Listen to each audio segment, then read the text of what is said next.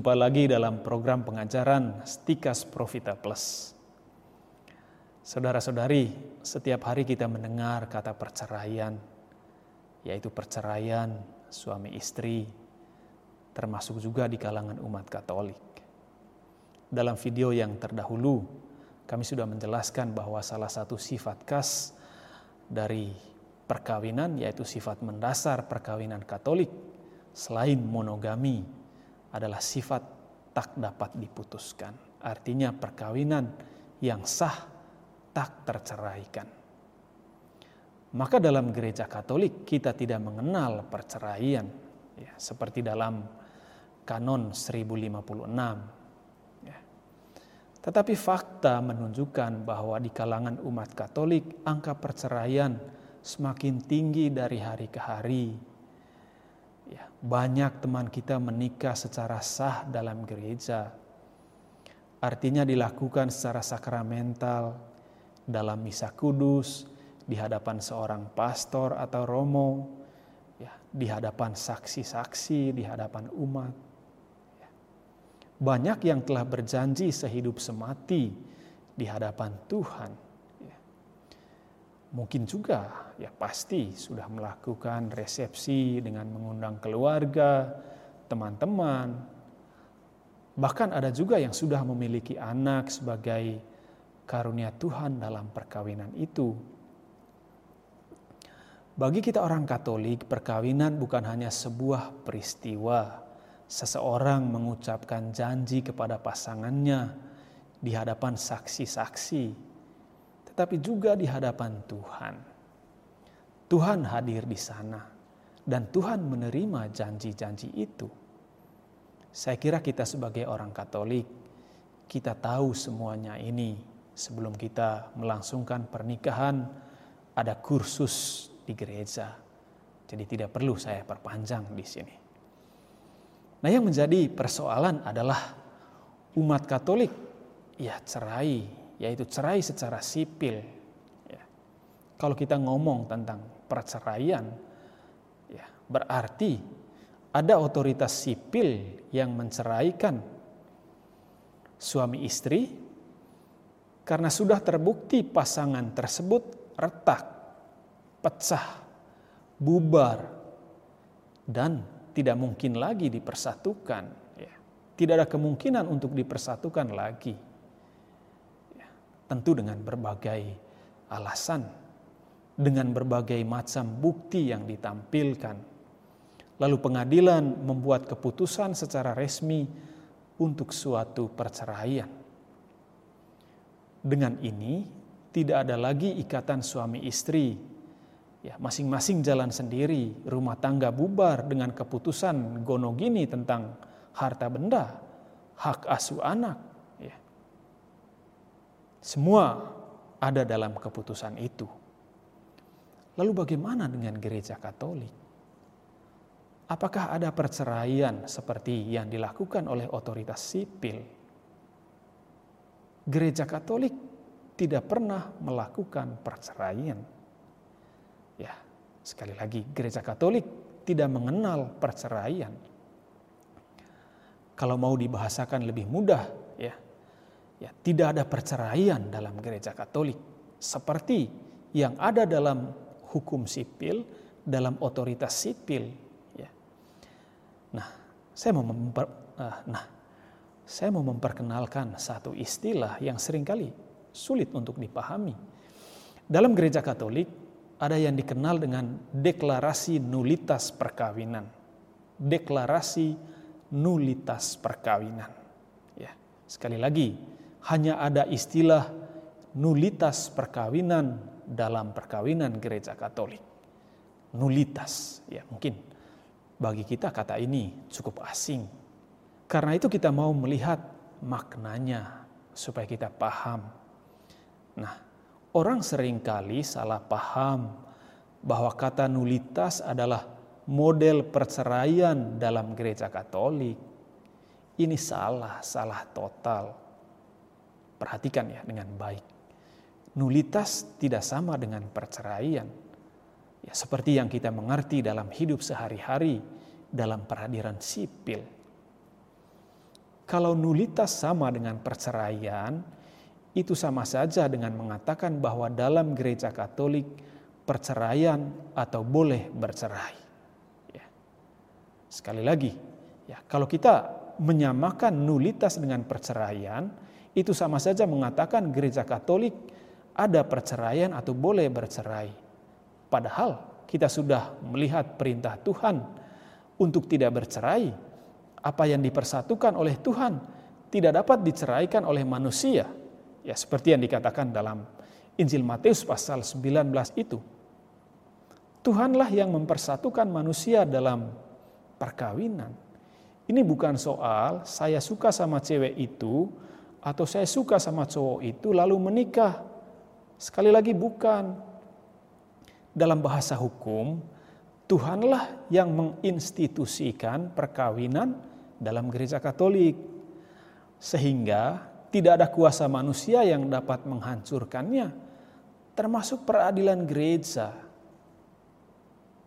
Nah, sekarang kita melihat lagi apa makna kata nulitas, atau kadang-kadang disebut anulitas. Jadi, dua arti yang sama. Kalau tidak sama dengan perceraian, lalu apa? Begini, nulitas itu adalah bahasa Latin, ya nul, yang artinya ketiadaan. Kalau dipakai dalam perkawinan, nulitas berarti ketiadaan perkawinan yang sah sejak awal. Saya ulangi, nulitas perkawinan berarti ketiadaan perkawinan yang sah sejak awal. Artinya perkawinan itu sebetulnya tidak ada. Loh kok bisa? Kan sudah menikah secara gerejani. Ya, nikah secara sakramental lagi. Kan sah. Lalu sudah punya anak lagi. Mengapa tidak sah? Begini, untuk memahami kata ini, ada satu analogi yang bagus menurut saya untuk menjelaskannya. Sekali lagi ini hanya analogi. Ya. Jadi tidak tidak tepat banget lah. Ya namanya juga analogi. Maksudnya untuk memahami arti kata ini. Kami ambil dari analogi dalam sepak bola. Sepak bola, pertandingan sepak bola maksudnya. Itu yang populer bagi kita di Indonesia. Dan sebagian dari kita eh, mengerti hal ini maka kalau kita mengerti sedikit peraturan sepak bola, kita pasti paham arti kata nulitas ini. Ya misalnya, ya, seorang pemain sepak bola mencetak gol. Ya. Gol terjadi karena kiper tidak dapat menangkap bola dan bolanya masuk ke gawangnya. Ini benar-benar gol.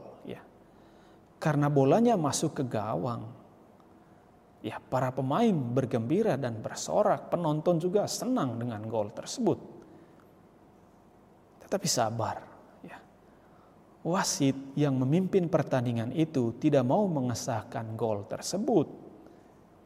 Meskipun itu benar-benar gol karena masuk ke gawang, tidak bisa ditangkap oleh kiper.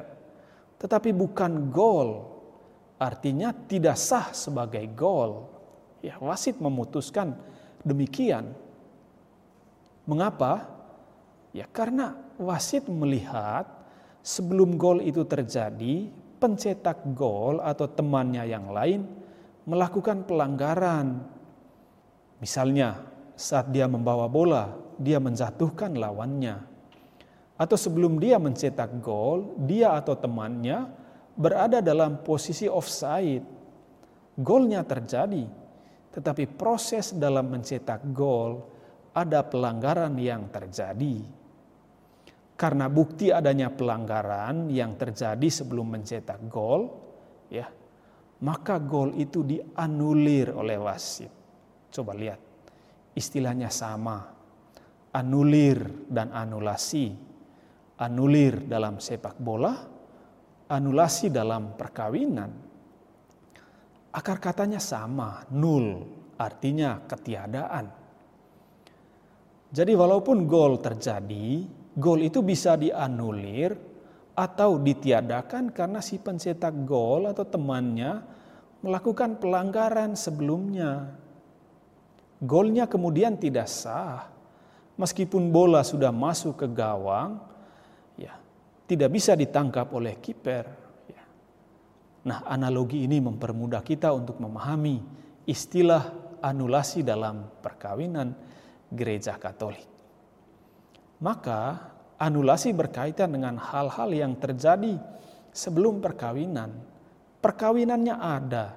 Sepasang suami istri yang dibaptis dalam gereja Katolik melangsungkan perkawinannya di gereja, disaksikan oleh saksi-saksi perkawinan oleh umat ya di hadapan seorang romo.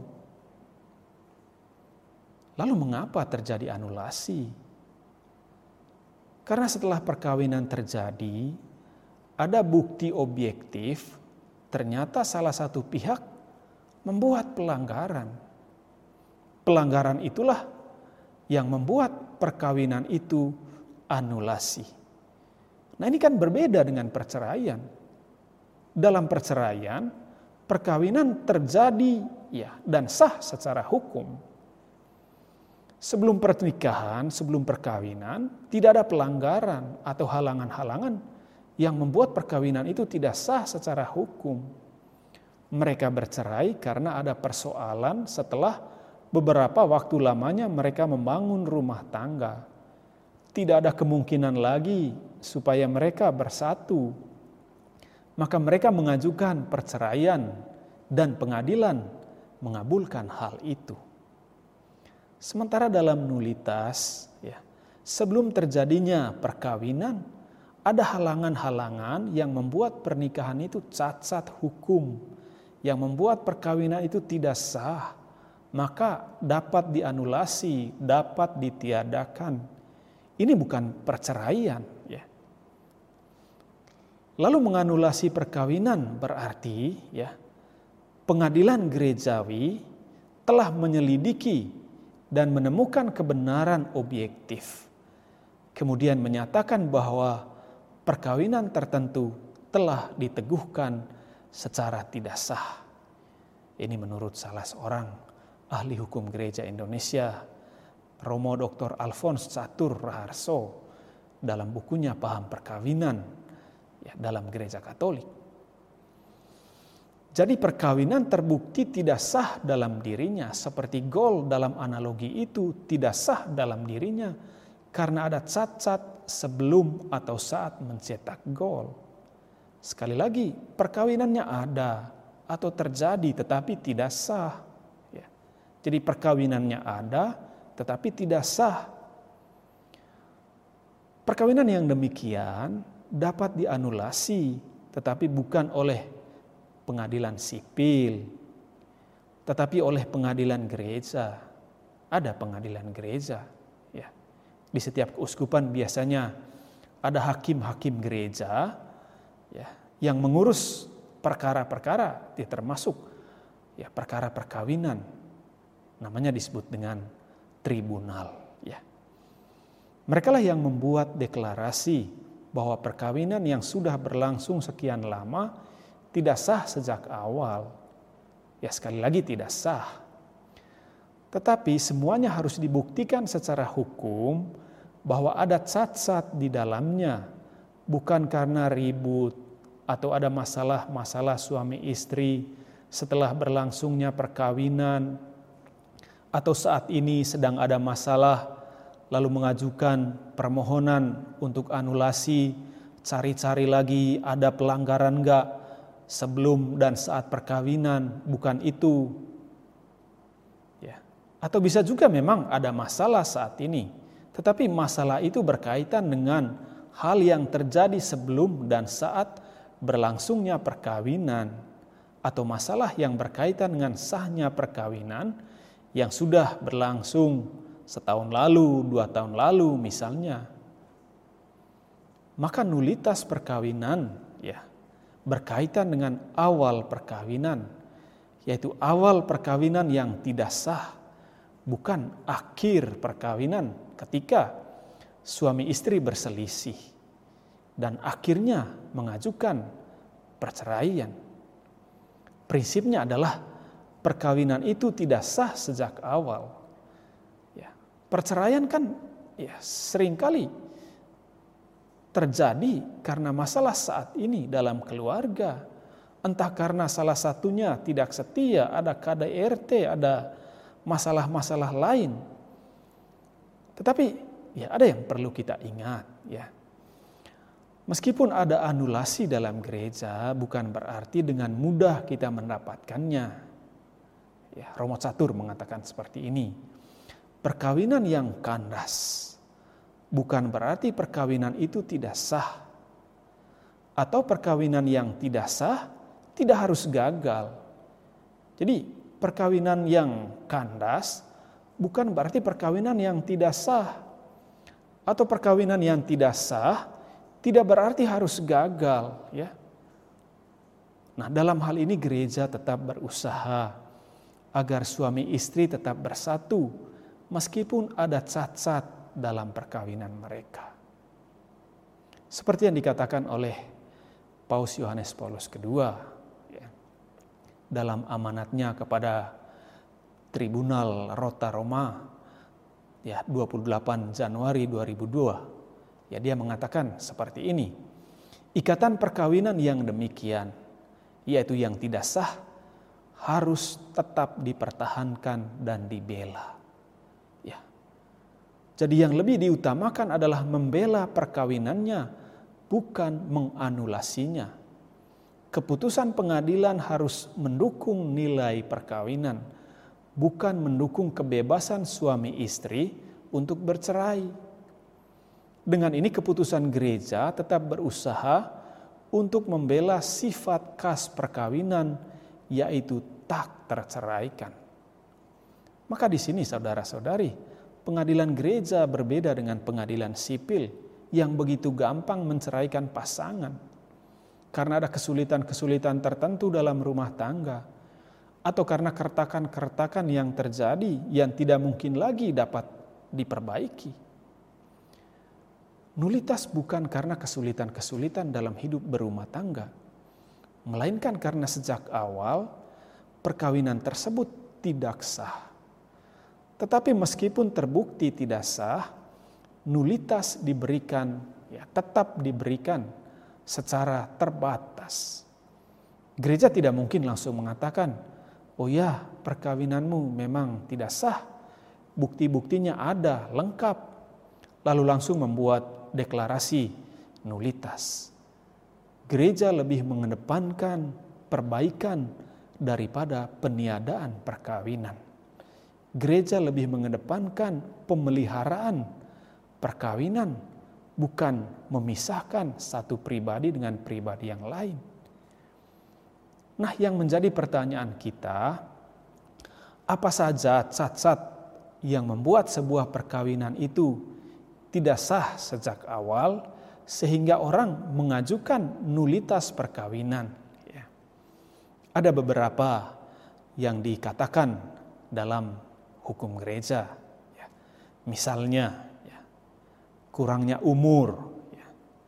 adanya penipuan umur, ceweknya masih kecil, ya, tapi dia menipu umur. Ya. Kemudian adanya impotensi, ketidakmampuan melakukan relasi seksual semenjak setelah perkawinan berlangsung. Nah, mengapa ini menjadi salah satu yang membuat perkawinan itu tidak sah?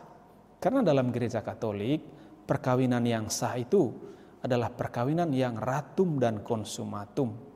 Artinya, ya perkawinan yang setelah terjadi perkawinan ada persatuan, ada relasi seksual suami istri.